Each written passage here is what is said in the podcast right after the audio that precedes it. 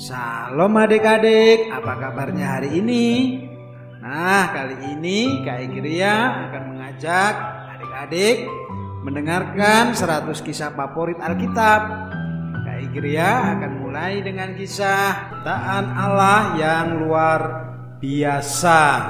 Kita tahu Alkitab dimulai dengan Allah yang menciptakan surga yang indah di atas dan bumi di bawah untuk tempat hidup kita.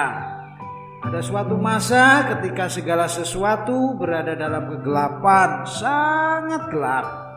Tidak ada burung, hewan-hewan, atau tawa anak-anak kecil yang terdengar. Kemudian suatu suara berkata, "Jadilah terang." Dan jadilah terang Allah memisahkan terang dari gelap dan menamainya siang dan malam. Ini terjadi pada hari pertama. Pada hari kedua, Allah mulai menciptakan dunia yang indah.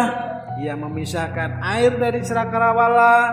Kemudian terciptalah langit yang biru.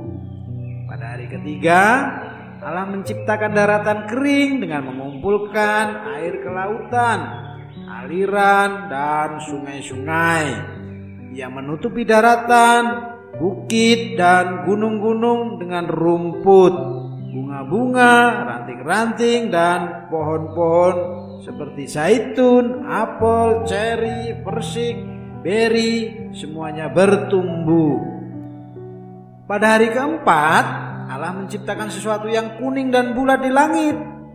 Ini adalah matahari.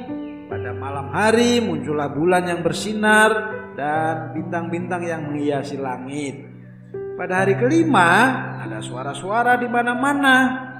Apakah yang Allah ciptakan pada hari ini? Ia menciptakan burung-burung terbang di udara dan ikan-ikan berenang di dalam air. Ada segala ukuran, bentuk dan warna. Ikan paus, ikan emas, biru, angsa, dan burung unta adalah beberapa bagian dari banyak makhluk yang ia ciptakan. Pada hari keenam, binatang melata dan segala sesuatu yang merayap pun terlihat. Allah menciptakan sapi, kuda, domba, anjing, dan kucing, juga singa, harimau, beruang, dan kelinci.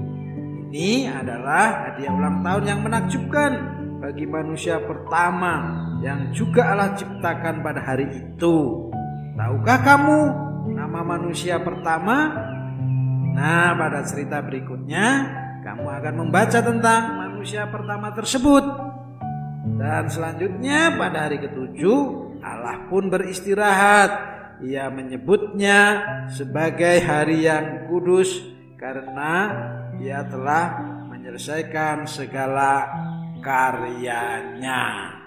Nah, itulah adik-adik cerita pertama dari Kak Ikria Siswanto. Nanti kita tunggu cerita selanjutnya. Tuhan Yesus memberkati.